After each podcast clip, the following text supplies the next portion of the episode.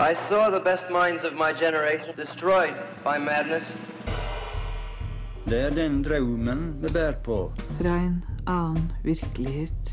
Kulturuke.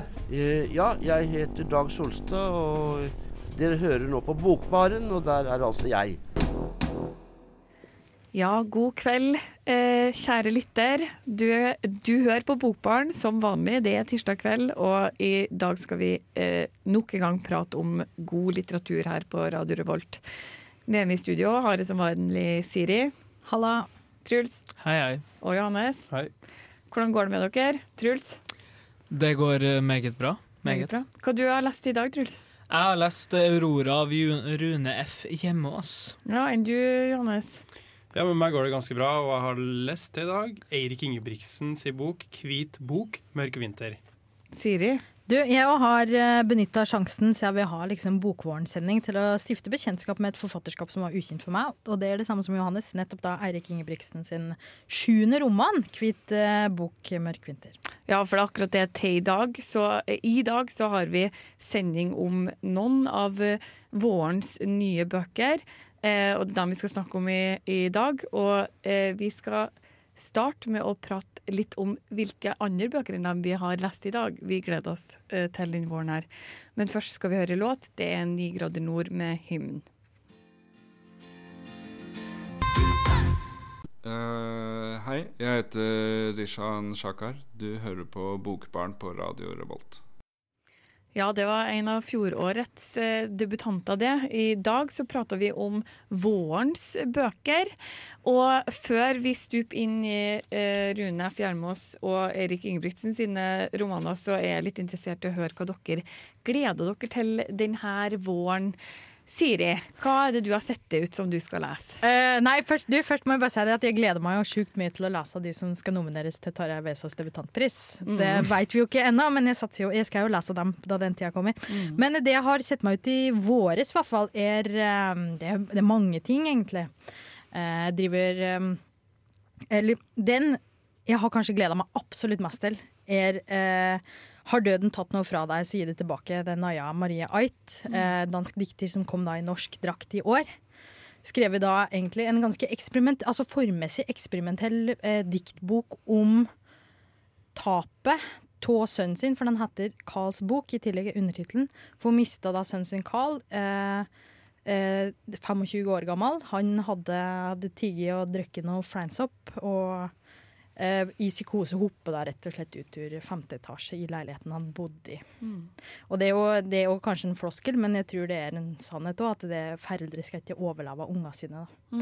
Og det er det som gjør den boka så sjukt sterk, men òg altså, Den er bare enormt bra, så den anbefaler folk virkelig å plukke opp, altså. Ja, for den har du allerede lest. Ja, den har jeg lest og kost meg veldig Eller kost meg, er kanskje litt feil ord, men jeg har Litteraturviteren i meg koste seg, da. Meska seg i liksom det her eh, diktninga og, og formen. For hun trekker på tradisjon. Eh, Det er jo veldig mange som har skrevet om eh, barna sine som har dødd. Du har Malarmé, du har eh, nei, Nå kommer jeg ikke på flere, men hun trekker på de her andre dikterne òg, så hun skriver seg jo ganske tydelig inn i en ganske trist og tragisk tradisjon, da, men det er jo forbanna bra, da. Mm.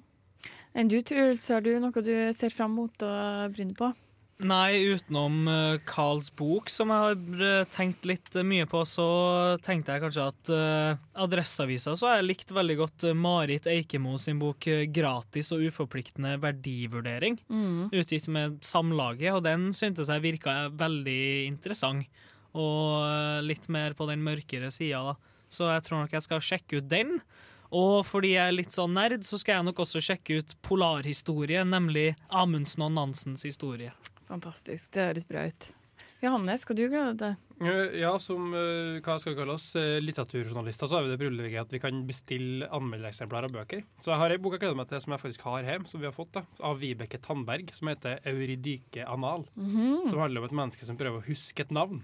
OK. Eh, Så jeg jeg har litt å lese den, og den virker litt sånn både eksperimentell og rar, men også litt kul. Så det bare handler om at ikke, han eller hun er ikke helt sikker ennå, prøver å komme på et navn. Så hun Ja. sitter og ramser opp navn for seg sjøl, så en rar fortelling. Og så må det sies at jeg gleder meg til Johan Harstads bok er 'Ferskenen'. Ferskenen, ja. Ferskenen. Og det er jo ei bok vi kommer til å prate om senere i Bokbarn òg, regner regner jeg med. sier jeg. Det skal vi. Vi må jo være litt inkluderende, så vi må snu på bordet og spørre da, Emma, hvilke bøker har du tenkt å ta for deg våren? Ja, jeg gleder meg veldig til å lese 'Ferskenen' av uh, Johan Harstad.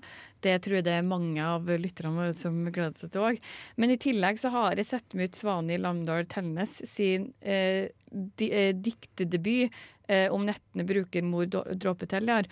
Og det, hun er eh, tro, trondheimsbasert, eh, ferdig og har gått Skrivekunstakademiet i Hordaland. Ja, Bergen. i Bergen. Og eh, den, den gleder jeg meg til å, se, til å lese etter hvert. Det er jo det er som eh, Johannes sier, vi har jo et privilegium der vi kan egentlig bare bestille de, den type litteratur, eller det vi ønsker å lese, så får vi det. Så jeg har jo sett meg ut et par titler til. Jeg tenkte jeg skulle få med Siri Hustvedt sin nye essaysamling på sviktende grunn. Også har eh, en forfatter som heter Berit Hedman, har gitt ut en bok som heter 'Bjørnejegerskens bekjennelser', som handler om bjørn og Finnskogen. Selvsagt skal jeg lese det. Mangler bare ulv. Ja, det er akkurat det. Men eh, vi kan jo si det, kjære lytter, at eh, vi rekker jo rett og slett ikke å prate om alle bøkene vi leser eh, i løpet av et semester, så det er ganske ofte, eller det hender at det vi skriver omtaler og legger da ut på Radio Revolt sine nettsider. Og da har jo jeg blant annet lest Christian Bergquist sin nyeste diktsamling.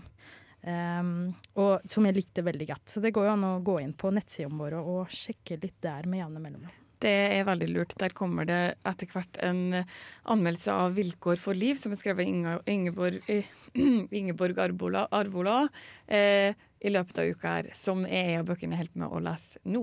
Og neste uke så skal vi jo prate om vårens debutanter her i eh, Bokbarn. Så det blir mye eh, mye nyheter framover, både på Radio Revolt og eh, her i Bokbarn. Nå skal vi høre ei låt, og det er 'Svømmebasseng med feberfantasier'. Ja, her i Bokbaren så snakka vi om eh, vårens utgivelser i dag. Og til i dag, eh, Truls, så har du lest Rune F. Hjelmås, den trondheimsbaserte forfatteren, sin roman 'Aurora'. Vil du si litt om den? Ja, du, du stjal den første setninga mi med at han var en trondheimsbasert forfatter, men jo takk.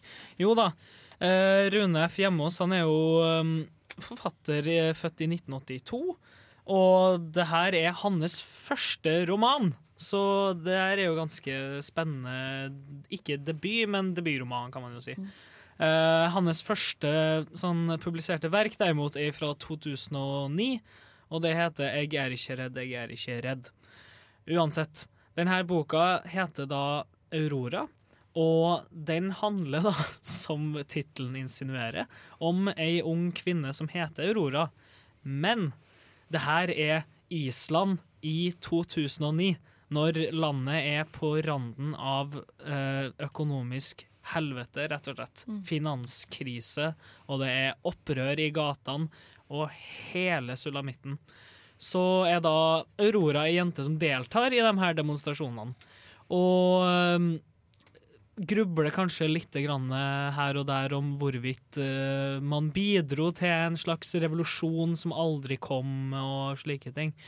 Det som heller er interessant med boka, er jo det at uh, som baksideinnledninga her forteller, så handler den jo egentlig om ei dame som heter Kristin, som jobber på et hotell, og hun ser et bilde tatt av et demonstrasjonstog i 2009, og hun ser den her eh, unge kvinnen som heter Aurora, og for å få tida til å gå, antar jeg, på det hotellet her, så leser hun ekstremt mye inn i det bildet og danner et slags narrativ ut ifra det hun vet helt sikkert om Aurora, og de har jo møtt hverandre før også, så det er ikke slik at det er en total fremmed, eller de har ikke møttes i virkelighet, men over nettet. Så det er også litt grann sånn um, om hvorvidt man kjenner hverandre på den ordentlige måten og sånt. da. Og drar det virkelig i det lange løp da, med det narrativet, la oss si det på den måten. Mm. Så her har du ei hovedfortelling med ei rammefortelling rundt, hvor, som dreier seg mye om eh, den økonomiske krisa i Island i 2009. Ja, Mm. det er finanskrisa her. Og, um, og jo da, det tar jo for seg flere forskjellige temaer også. Det er jo litt sånn bok som kanskje spiller litt på litt sånn uh, ungdomslig, litt sånn rar popkultur med veldig mye referanser til Blur og veldig mye sånn punk og natur, som det også står her. Og um, vennskap da også, gjennom de karakterene som vi møter i boka, som heter Snorri, Palli og Maria. Du nevnte uh, punk og blur og musikk, så da ble jeg litt sånn nysgjerrig. Eh, islandsk popmusikk er jo Mm. veldig sånn, Det er mye som kommer derifra, sammenligna med hvor mange det som bor på Island. egentlig. Men er det noe mye av det i boka? da? Er det noe fokus på det i hele tatt? Det er noen øh, Det er jo kanskje litt sånn fordomsfullt for meg å si det, men hermetegn obskure navn som dukker opp til forskjellige slags poeter og visesangere og slikt. Mm. Men Sigurd Ros, dem kjente jeg igjen, og dem øh, er nevnt én gang i boka. Ja. Um, og det er mye Island-tema generelt, da, med masse beskrivelser og slikt. Mm. Vi skal snakke litt mer om eh, romanen 'Aurora' etter ei låt. Det er Frank Ocean med 'Moon River'. One, two. Hei, det er Pedro Carmona Alvarez. Du hører på Bokbaren på Radio Revolt. Ja, det stemmer. Du hører på Bokbarn, og vi snakker om vårens bøker. Og akkurat nå er det 'Aurora', skrevet av Rune F. Hjelmås, som, Hjelmås, som er i, eh, i spotlighten. Og jeg lurer på, Truls, for du prater om at her i den romanen her så har vi rammefortelling vi som ser på et bilde, og, og en hovedfortelling, det er den, den fortellinga som hun, hun dikta opp eller forteller om hovedpersonen Aurora her. Og hvordan er liksom samspillet med de to fortellingene, da? Hvordan, eh, hvordan fungerer det? Eh, jo da, man må jo konstant minne seg sjøl på som leser det at det her er faktisk en ehm, Det er en utenomstående forteller som faktisk uh, tilsynelatende forteller om det her ut ifra et bilde. Fordi det er jo i selve formen i språket, så er det jo klart at det er faktisk det er ikke Aurora som er jeg-fortelleren. Og noen ganger så dukker det opp en jeg-forteller, så da blir man minnet på å ja, det er hun Kristin som leser det bildet. Og noen ganger så er det noen få sånne slags påminninger om at på en måte hvordan livet på hotellet og er slikt. Men på et spesifikt tidspunkt så er faktisk Aurora i den samme kirka der hvor Kristin er på korøving. Og da og det er det eneste gangen i boka de faktisk møter hverandre, sånn med hermetegn møter hverandre. Um, utenom det så må man jo som leser minne seg selv på det, det at dette her er en potensiell, eh, eller ikke potensiell, nesten en garantert upålitelig kilde som forteller om det her. Og da stiller man jo også mye spørsmål som leser om hvorvidt man skal kanskje um, hvordan man skal føle om alt det her, og hvordan man skal forholde seg til Aurora sin historie. Mm. Om det bare er, for mangelen på et bedre ord, bullshit eller ikke. Mm. Eh, fungerer det, syns du? Um, det var på slutten av boka, etter å, etter å ha lest 250 sider, der hvor 15 sider av dem er Kristin som eh, er med, 90% av boka er kanskje bare Aurora, så kom jeg til den konklusjonen om at var rammefortellinga egentlig nødvendig? Fordi som jeg nevnte tidligere, så følte jeg heller at det ga Ja, det ga kanskje en annen tematikk, og det var litt sånn kul og original rammefortellingteknikk, men det ga jo en slags distanse mellom meg, leseren, og da Aurora sin historie. Mm. Men denne rammefortellinga og FUZ da 2009 og den regjeringskrisa som var i Island på gitt tidspunkt, eh, er føler du at boka er aktuell på noen måte? Ja, altså, det er jo veldig um, Ytringsfriheten står ikke akkurat på spill for de ungdommene her, fordi, eller unge menneskene, fordi de snakker jo også veldig mye om natur. Naturvern er ekstremt viktig for de her, her unge, rebelske folkene. Og det er et tider at det når naturvernpropaganda, rett og slett, i visse passasjer i boka, blant annet der Aurora møter sin punkevenninne Heidia langt oppe i Gokk, og så står de og ser ned på vakker natur og sier at Å, de jævla aluminiumskapitalistene og slike ting. Så det er jo det. Men også så er det et gjennomgående tema, det med at eh, det finnes en bok fra 80-tallet som handler om hvordan man kan forsvinne fullstendig og ikke etterlate seg noe spor.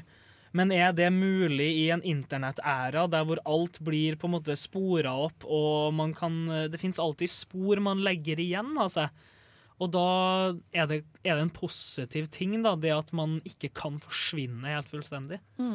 Men det her med miljøspørsmål, miljøbevissthet og global oppvarming, det er vel noe som eh, Rune F. Hjemås har jobba med tidligere i forfatterskapet, tror jeg. I en bok som heter Det er ikke Nei, hva den heter Det er ikke vår, det er global oppvarming? Ja, ja. Dårlig, dårlig research. Ja, nei, nå ser jeg, jeg skjønner jo det i studio her at Johannes skal jo spille bollen over til meg, for jeg har lest noe til Rune tidligere, men jeg har ikke lest den. Ja. Nei, jeg har, jeg har lest debbien hans. Eh, 'Jeg er ikke redd, jeg er ikke redd'. Eh, for så vidt. Han har skifta forlag, faktisk, så den kom ut på et annet forlag, for nå er den på Flamme. Men eh, jeg syns han skriver veldig godt. Altså, han, har, han har håndverket i batten, selv om kanskje ja, innholdet kan, kan variere litt. Ja, den boka som jeg snakka om, den heter 'Det er ikke vår, det er global oppvarming'. Det var en poesibok som kom i 2012. 2012. Så det er i hvert For han har flere utgivelser, utgivelser bak seg, og som du sier, så er håndverket i, i bånn, Siri. Syns du håndverket er i bånn i din her roman? Den språklige og tekstlige, ja, men eh, jeg syns det ble litt forvirrende og litt mer fundamentale feil i strukturen. Ja. Eh, vi skal eh, Neste uke så skal vi ha ei utesending eh, i Bokbaren, og da gjester Rune Hjemås med venner, kan man si, fra Beijing Forlag og andre folk eh, oss. Og den utesendinga skal vi snakke litt mer om senere i sendinga. Først så blir det låt Stian Fjelldal med 'Baksida på operaen'.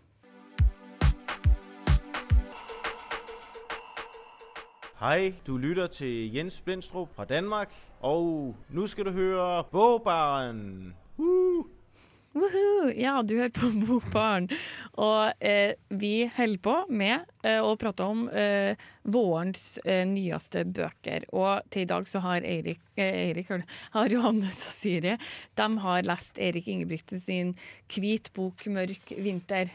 Og han, Johannes han har forberedt eh, litt bakgrunn eh, om romanen for oss. Eirik Ingebrigtsen er født i 1975. Hans første roman 'Vesen' kom i 2001, og årets roman er hans sjuende. På et nivå er Hvit bok, mørk vinter en familiefortelling, men med sterke koblinger til den historiske, politiske og sosiale virkeligheten. Romanen handler først og fremst om 14-årige Isa. Isas familie består av halvbroren Skodran, mora Deborah og stefaren Reza. Under Kosovo-krigen, som sto mellom kosovo-albanere i Kosovo og serbiske myndigheter på 1990-tallet, var det ikke uvanlig at soldater voldtok kvinner som tilhørte krigsmotstanderens side. Isa er et resultat av at en serbisk soldat voldtok Isa sin kosovo-albanske mor. Stefaren Reza er krigsveteran på kosovo-albansk side, og har aldri klart å akseptere Isa. Det kommer også fram i romanen at Reza og har gjort voldtekt av krigsmotstanderens kvinner, og Reza sitt eget krigsstrømme kan antagelig ha noe å si for fordømmelsen av Isa.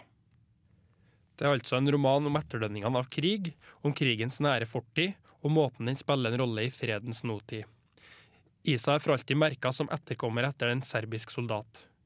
Halvbroren Skodran er den viktigste støtta i Isa sitt liv, og Skodran stiller seg konsekvent på Isas side i konflikten mellom Isa og stefaren Reza. Handlinga i boka foregår på én dag.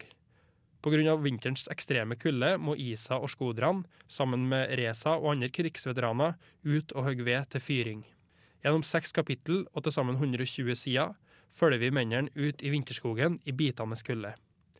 Med poetisk språk og lange setninger med brå sprang knytter fortellinga det fysiske arbeidet, familiekonflikten og krigshistoria sammen. Ja, mye i én roman her, kan man si det, eller? Absolutt, absolutt. Men jeg syns Johannes har klart å oppsummere det meste ganske bra der, da. Mm. Men det høres ut som en ganske dyster setting, kan man si det? Ja, det er det. Du, altså, det er en norsk forfatter som velger å skrive om uh, Kosovo. Altså, og det var jo Kosovo-krigen på 90-tallet som, uh, som på en måte er bakteppet. da. Så ja, det handler om en familie som, uh, der, som jeg sa i, i introen her, der en sønn er på en måte sønn av en kosovo-albansk mor og serbisk far. da. Så det, og det er på en måte de prøver, menneskene prøver å takle det, da, og det som etterspillet etter krigen. da. Ja, kan du si at Denne serbiske faren er jo da nettopp den som har voldtatt den kosovo-albanske mora. slik at det Mm. Isa er eh, Han er jo bastard. Ja. Det kaster nok mye for mora å bære han fram, og far hans, da Reza, som han heter, har aldri vært noe særlig Stefaren, glad Ja, stefaren. Mm. Ja. Eh, vært noe særlig glad for dette her. Eh, men det er som du sier, det er jo ikke en veldig eh, det er, Den hadde jo Hvit bok, mørk vinter, men den kunne jo bare egentlig hatt Mørk eh, bok, mørk vinter. Mm, mm. Ja. Men har du lyst til å høre bare kort om det her politiske som, som ligger forut for boka, eller det her historiske Ja. bakteppet, da? Ja. For vi befinner oss jo, eller eh, Isa i boka er jo 14 år gammel, men eh, for 14 år siden i boka da, eh, så var det jo nettopp krig i Kosovo. For Kosovo var da på tidligere en provins sør i Serbia i det som da var Jugoslavia. Eh, og da var jo Milosevic var president for Jugoslavia på den tida her. Det er jo et navn som ikke klinger så godt i, i munnhulen, får en si. Men eh, det, den misnøya eh, Altså, det var borgerkrig rett og slett i Kosovo på, i eh, 98-99, og den her misnøya da, starta på midten av 90-tallet mellom da etniske serbere og Kosovo-albanere. Det er derfor den konflikten er så enormt sterk, og det er derfor du på en måte aldri slipper unna etnisiteten din òg i den boka her, tror jeg. Nettopp fordi det er så viktig hvilken leir du, du passer inn i. da. Det var en veldig spesiell krig, for det var jo borgerkrig, som du sa, Siri, og det, det nevnes i boka. Og at uh, det var jo naboer som kriga mot hverandre og plutselig la hverandre for hat og gjorde forferdelige ting mot hverandre. da, det Voldtekt og drap og bestialske ting. sant? Så mye av det her sitter jo selvfølgelig igjen i bevisstheten selvfølgelig til dem som var med på det og opplevde det, men òg til ungene deres. da. Som, for det er på en måte, ja, det er en virkelighet enda i dag, da. Ja, det er ganske tydelig en postkrig-realitet vi møter i denne boka. Og de, de, de prater jo om det altså, Det er til og med dyra til og med føler på en eller annen sorg i denne boka etter, etter denne krigen. Og som Johannes sier, det var en såpass spesiell krig at jeg tror vel det var vel egentlig den første konflikten Nato gikk inn i. For Nato måtte gå inn for å avverge en humani humanitær katastrofe. Det var første konflikten de gikk inn med liksom full, fullt militær. da. Det var eh, hundretusener som måtte ble enten tvangsflatt eller, eh, eller sendt ut. Og, og det var vel sivile drap på nesten en 15 000 på, på begge sider. da. Mm. Og det her tematikken som vi snakker om, da, den flettes egentlig ganske finurlig, på et finurlig vis inn i teksten. da, for at Selve handlingsgangen i boka er jo at de skal ut i skogen for å hogge ved. For at det er en, kald, en mørk og kald vinter. Og da er de ute og hogger ved, og da skjer det egentlig det, det er noen få kapitler det skjer ulike ting. De hogger trærne, kvister trærne, eh, sender dem ned, en, eh, ned et stup for å flyttes på elva osv. Og, så og i det her da, så får vi innblikk i særlig hovedpersonen eh, Isa da, sine tanker og refleksjoner, og, og du ser samspillet mellom resten av folkene i skogen der. Mm. Mm. Ja, vi skal eh, snakke mer om roman, og kanskje litt mer om språket spesielt, og formen eh, i neste eh, og eh, etter i låt. Først så skal vi høre Mats Wawa med 'Easy On The Eye'. Ja, Siri og Truls de har lest Eirik Ingebrigtsens Hvit bok 'Mørk vinter' Johannes. Til, eh, og Johannes til i dag. Eh, og um, rett før pausen her så pratet vi om hvordan liksom, settinga, handlinga i boka, er at de er ute i skogen og driver egentlig med, med skogbruk og hardt kroppsarbeid, kan man jo si. Og det er det som starter refleksjonene i, i hovedpersonen sitt, sitt sinn, da, kanskje. Kan Mm. man Ja, for det du merker at det er et, eh, det er veldig, nei, det er et veldig eh, fellesskap knyttet til det. Både det, det krigen og både det her arbeidsfellesskapet som de har. Da. Men eh, verken Isa eller, eller Skodran er egentlig veldig stort, en veldig stor del av det. Som gjør at dem, vi, vi følger jo i hovedsak Isa her. Eh, men det, det som, for det de overlates veldig mye til seg selv og stillheten til naturen, annet enn at trea et varsku her og der, eh, så kan de reflektere veldig mye over det. Så du har egentlig den her, ja, kall det rammefortellingen, som er bare løper seg over én dag. Ja. Eh, men vi blir altså kjent med, med livsforløpet i, i veldig stor grad. Eh, og Johannes, du har jo lest inn en liten passasje ifra boka eh, som handler om Og dette her, det er faktisk da vi møter Skodran, altså broren til Isa, eh, der han forteller og husker tilbake på at han eh, overhører da den her faren og det her fellesskapet eh, prate om krigen, for krig er jo òg et veldig sentralt tema i boka. Jeg lurer på om vi bare hører det klippet? Likevel fikk skoderne det med seg. De snakka om ei hending fra krigen, en offensiv der ei hel gate med hus hadde blitt rasert, og sju serbere, to kosovo-albanere, hadde blitt drepne. Dette var i en av forstadene til Pristina, og dette var drap de hadde vært med på, eller drap de hadde sett på kloss hall, men det som skoderne huska best, var hvordan denne arbeidspraten, som tok utgangspunkt i Valmirs låste gevær og desperate tilbaketrekking, glei lett over til å handle med gruppevoldtekt Valmir og Desim hadde vært en del av natta før denne offensiven, på bakrommet i en tekstilfabrikk som serberne fram til da hadde nytta som forsyningslager. Og rundt denne ugjerninga hadde de ledd, mimra, diskutert og kjekla om detaljer. Det verka som de fant hvile i dette, og det ble sagt, det var jo krig, flere ganger. Skodran fortalte at han måtte stoppe og lesse vedsekker over på lasteplanet, gikk heller inn til Saga, som han slo på, lyden fikk han over i noe annet, kunne justere han vekk, men noe vondt sette seg igjen, fortalte han, hvordan skulle han håndtere dette? Det var enklere å tenke på traumer veteranene fortalte om, de kunne han delta i å forstå. Billetter som brått kunne ri disse veteranene om natta, småvitsinger om en lem som ble skilt fra en kropp, en død kropp til og med, det grufulle pakka inn og forsøkt tatt ned, det vonde i synet av det de hadde vært med på, var de sammen om, det gjaldt å kjøre det gjennom ei munnlig trakt og normalspråk, det var nødvendig å klistre hendingene til fellesskapet, ikke for delers skyld. Det var alle sammen om gjerningene, det var jo krig, de sto alle og så på, de sto alle i en trygg ring og så tilbake inn i vondskapen, de hadde alle den samme ilinga gjennom kroppen etter nattsvetten. Dette var kanskje noe de snakka om hver dag, eller hver vekke, hevder Skodran, sammen med arbeidet, diskusjoner rundt brensel, leveringslistene, kvaliteten på terpentintre, og i dette snakket lå den perverterte sjølvmedisineringa som ikke Skodran kunne ta del i. Ja, det var et utdrag fra, eh, fra boka 'Hvit eh, bok, mørk vinter'. Hva var det vi hørte her? Ja, det var som Siri sa, da, han, det han sko, eller fortelleren da, som forteller om Skodran, som broren til Isa, som overhørte mennene som snakka om krigen, egentlig. Og jeg syns at den boka her åpner veldig opp om hvordan det Vi vet jo ikke det, vil jeg si, hvordan det er å leve rett etter en krig, men åpne opp om hvordan det kan være. da, fordi at det er klart at det ligger over livene deres. og på, som det blir sagt i teksten her, på en eller annen måte så har jo de her mennene som har vært med på forferdelige ting, kanskje et behov for å normalisere det. da, Og snakke om det og kanskje tulle med det, men det, på samme tid så er det jo grotesk, eh, groteskt snakk. sant?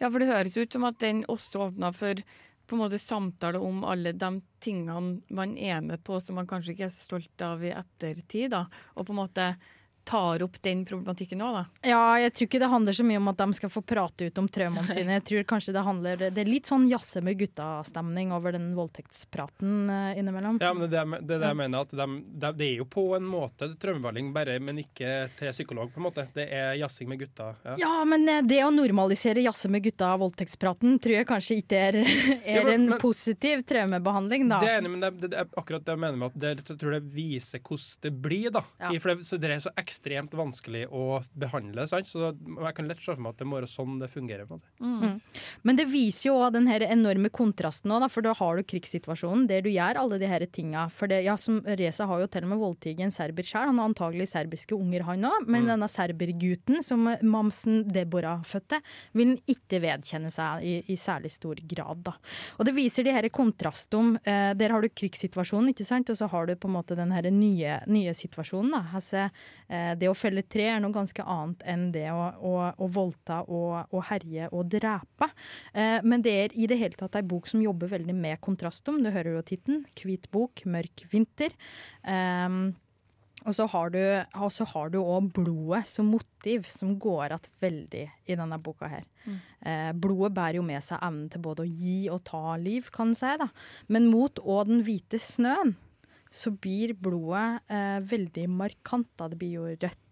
Så er det altså blodet som symbol, òg. at Isa nevner flere ganger at han har serbisk blod i seg. Mm. Han er på en måte ikke en av sine landsmenn. Da. Ja. Mm. Etnisitet er på en måte alt. da. Og, eh, og, det er et egentlig veldig fint sitat fra boka som jeg tror beskriver veldig godt eh, her boka, eller stemningen i boka. Og det er um, døden klistra fast i livets nærvær. Mm. Jeg får inntrykk av at eh, store deler av boka At, at teksten, at setningen er lang, at det er mye i liksom som blir sagt på en gang. da. Hva tenkte du om det? Veldig, veldig, det er veldig sant. Og jeg vet ikke om det hørtes så godt på opplesninga jeg hadde, men det var litt vanskelig å lese, for at det er ekstremt lange setninger da, med mye komma. Av og til delvis oppdelt med spørsmålstegn og utropstegn. Men spørsmålstegnene og utropstegnene føles ikke som en stopp heller, så det er en veldig sånn flyt, og det er et veldig krevende språk, vil jeg si da. Mm. Er det bra? Det er bra. Det, jeg syns det er veldig bra. Det er poetisk og godt skrevet. Innimellom så smeller den til med noen vulgære ting i krigssituasjoner, men det er veldig bra. Og, og Marta Norheim i NRK hun ombefaler jo denne boka her, og det må jeg bare si meg enig i, til dem som liker å lese sakte, og dem som liker historier om krig. Ja. Fin oppsummering av Martin, eh, Eirik, Eirik Ingebrigtsen sin hvitbok 'Mørk vinter'. Det. Eh, vi skal høre en låt. Det er Stian Fjelldal sin 'Baksida av operaen'.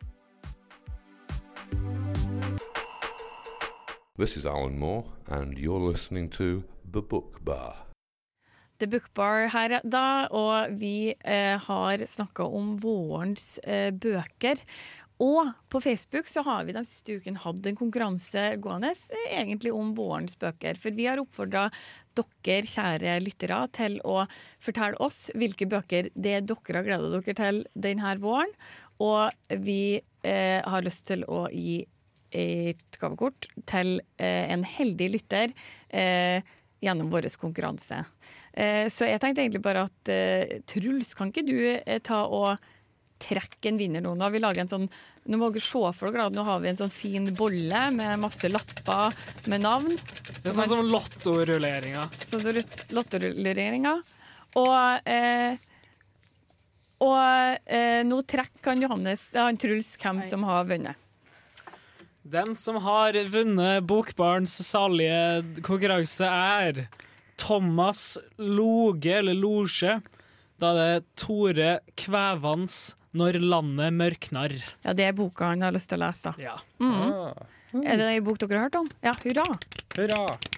Gratulerer til Tore.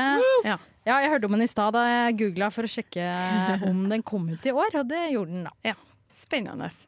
Ja. Eh, videre den våren her så skjer det ganske Ja, jeg kan bare si at Det lønner seg å følge bokbaren på Facebook. Det er jo på Facebook-sida vår her at det her har skjedd. Da. Så da kan man jo vinne bøker og lese boknyheter. Uh, hva mer kan man gjøre? Se, se bilder av oss uh, handsome folk. Ja, studio. hvis du lurer på hvordan vi ser ut. Ja. Lik og følg. Lik og ja, lik og del, som man sier. Lik og del. Ja. Uh, og du kan, og du, hvis du følger oss, så kan du også være heldig og oppdage at vi har konkurranse innimellom. Sånn Ja. det. Mm. Framover eh, den våren her så skjer det mye spennende i Bokbaren. Og førstkommende fredag da skal vi ha det som het, så fint heter ei utesending. Siri, kan ikke du fortelle oss litt om den? Jo, vi tar jo da steget ut fra radiostudio og over i klubben på Studentersamfunnet fredag 20. april klokka 19.00. Grunnen til det er enkelt og greit fordi det for første gang siden 70-tallet kommer ut av en antologi over unge, eh, ferske amerikanske samtidspoeter. Eh, og det kommer ut på Samlaget nå i mai. Og redaktører til dette her er da ingen ringere enn eh, tidligere nevnte Rune F. Hjemås og Mathias Samuelsen i eh, miniforlaget da, her basert i Trondheim, eh, Beijing Trondheim. Mm, og vi får en del gjester i tillegg til dem, gjør vi ikke det? Siri? Ja, for de har jo redigert dette her, så de har Mathias sier selvsagt om, om amerikanske poeter eh, kanskje generelt, og om antologien, men eh, Linn Strømsborg hun har jo hun, gitt ut annet i Gilde og Furuset og Du dør ikke på Flamme forlag tidligere, og hun har oversatt da Monica McClure, heter da den amerikanske poeten hun oversatt, i antologien, så hun kommer, og i tillegg så får vi også med oss eh, eh, forfatter og oversetter Martin Ingebrigtsen, for den her antologien på Samlaget kommer ut som en del av en ny gjendiktningsserie som Samlaget har. Eh, og Martin har da oversatt første boka som har kommet ut i denne her gjendiktningsserien. Mm. Eh, Nathaniel Farrell sin eh, 'Nykommer', som den er oversatt til på norsk, da. Eller nynorsk, som og, det jo er. Og i tillegg så har vi vært så heldige at eh, kollega her i Radio Revolt, eh, Feber, de skal eh, produsere musikken og har velga ut et godt knippe eh, moderne hiphop-artister i hovedsak, og de skal være DJ-er utover kvelden. Ja, også En liten artig annen ting er jo at eh, Beijing-gutta Rune og Mathias de skal dri har et sånt samplingsprosjekt som de driver med, som vi får en smakebit av i sendinga. da.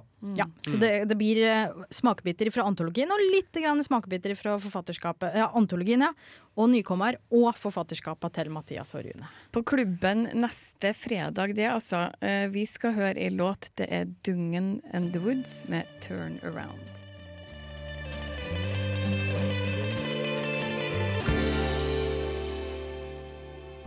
Hallo, dette er Karl Ove Knausgård. Hver gang jeg er i Trondheim, så hører jeg på Bokbaren. Et fantastisk, eh, fantastisk bokprogram. Ja, og det her fantastiske bokprogrammet det skal begynne å runde av for i kveld. Vi har prata om noen, to, av, eh, av vårens eh, nye utgivelser. Det er Rune F. hjemme hos sin 'Aurora' og Eirik Ingebrigtsen sin 'Hvit bok, mørk vinter'. Og du Johannes, fikk jo aldri sagt hva du syns om den. Var det verdt å lese den? Ja, jeg syns absolutt det. For jeg syns den var sterk språklig, og så var den et originalt tema. Og til sammen så gjorde den til en veldig sånn eh, original og god bok, syns jeg. Så ja, absolutt verdt å lese. Verdt å lese. Mm. Flott. Til eh, neste tirsdag, altså før livesendinga vår på fredag neste uke, så skal vi eh, lese oss opp på og eh, prate om eh, noen av vårens debutanter. Fram til da så eh, får dere ha det bra. Takk til tekniker Rebekka, Siri, Truls og Johannes, og takk til meg. ha det bra.